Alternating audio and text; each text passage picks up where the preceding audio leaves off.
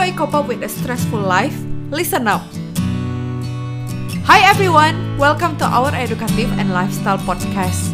This podcast will talk about career, family, and lifestyle. Offer you an insight and dare you to change your perspective because in this podcast, every word counts. This is Little Ice Queen 19 episode. Hello the Ashes, how are you all doing today? Before going into the deep, I want you to take all your notes or journal, whether it is a physical book or it is in your notes, whatever it is that makes sense to you. And then I want you to do this exercise. Define what makes you stress. Does it worth of your time? Because the book says little stress is good. And let's make a list out of it and then cross anything that does not worth of your time and then see if this method that book offered working for you. Alright, without further ado, let's begin our reading of the day. Be mindful about reducing stress. Whether or not the threats we perceive are real, stress is an easily identifiable condition that, that not only causes anxiety but is also highly psychosomatic, affecting everything from our digestive system to our skin. This is why prevention is so important in avoiding the toll that stress takes on us, and why many experts recommend practicing mindfulness. The central premise of this stress reduction method is focusing on the self, noticing our responses even if they are conditioned by habit, in order to be fully conscious of them.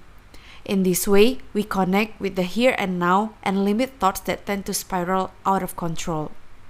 We have to learn to turn off the autopilot that's stirring us in an endless loop. We all know people who snack while talking on the phone or watching news. You ask them if the omelette they just ate had onion on it. And they can't tell you, says Roberto Alcibar, who abandoned his fast paced life to become a certified instructor of mindfulness after an illness threw him into a period of acute stress. One way to reach a state of mindfulness is through meditation which helps filter the information that reaches us from the outside world. It can also be achieved through breathing exercises, yoga, and body scans. Achieving mindfulness involves a gradual process of training, but with a bit of practice, we can learn to focus our mind completely, which reduces stress and help us live longer. A little stress is good for you, while sustained, intense stress is non enemy of longevity and both mental and physical health. Low level of stress have been shown to be beneficial. After observing a group of test subjects for more than 20 years, Dr. Howard S. Friedman, a psychology professor at the University of California, Riverside, discovered that people who maintain a low level of stress, who face challenges and put their heart and soul into their work in order to succeed, live longer than those who chose a more relaxed lifestyle and retired earlier. From this, he concluded that a small dose of stress is a positive thing, as those who live with a low level of stress tend to develop healthier habits, smoke less, and drink less alcohol. Given this, it is not surprising that many of the super centenarians people who live to be 110 years old or more, whom we'll meet in this book, talk about having lived intense life and working well into old age. So, in the fast-paced life, Stress inevitable.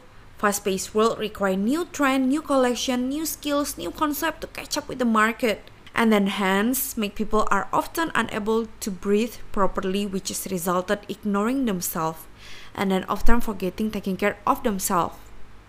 Which is actually good and bad. The good is you are highly adaptable to every change which is good for your survival skills.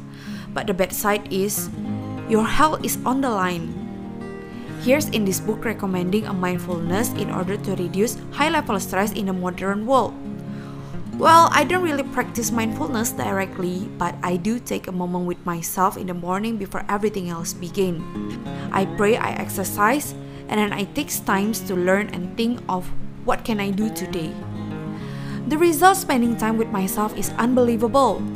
Vision becomes clear, you know what to do, and you can manage your emotion better which is why I love it. Because when you too caught up with your vision or your dreams, you can lose your way, and the only way back is by spending time in quietness or mindfulness. Sometimes no music, no handphone, no social media, no anything, just me and myself. It's always working. But remember, it takes time to date yourself. Just like the book says, that actually it is a gradual process of training.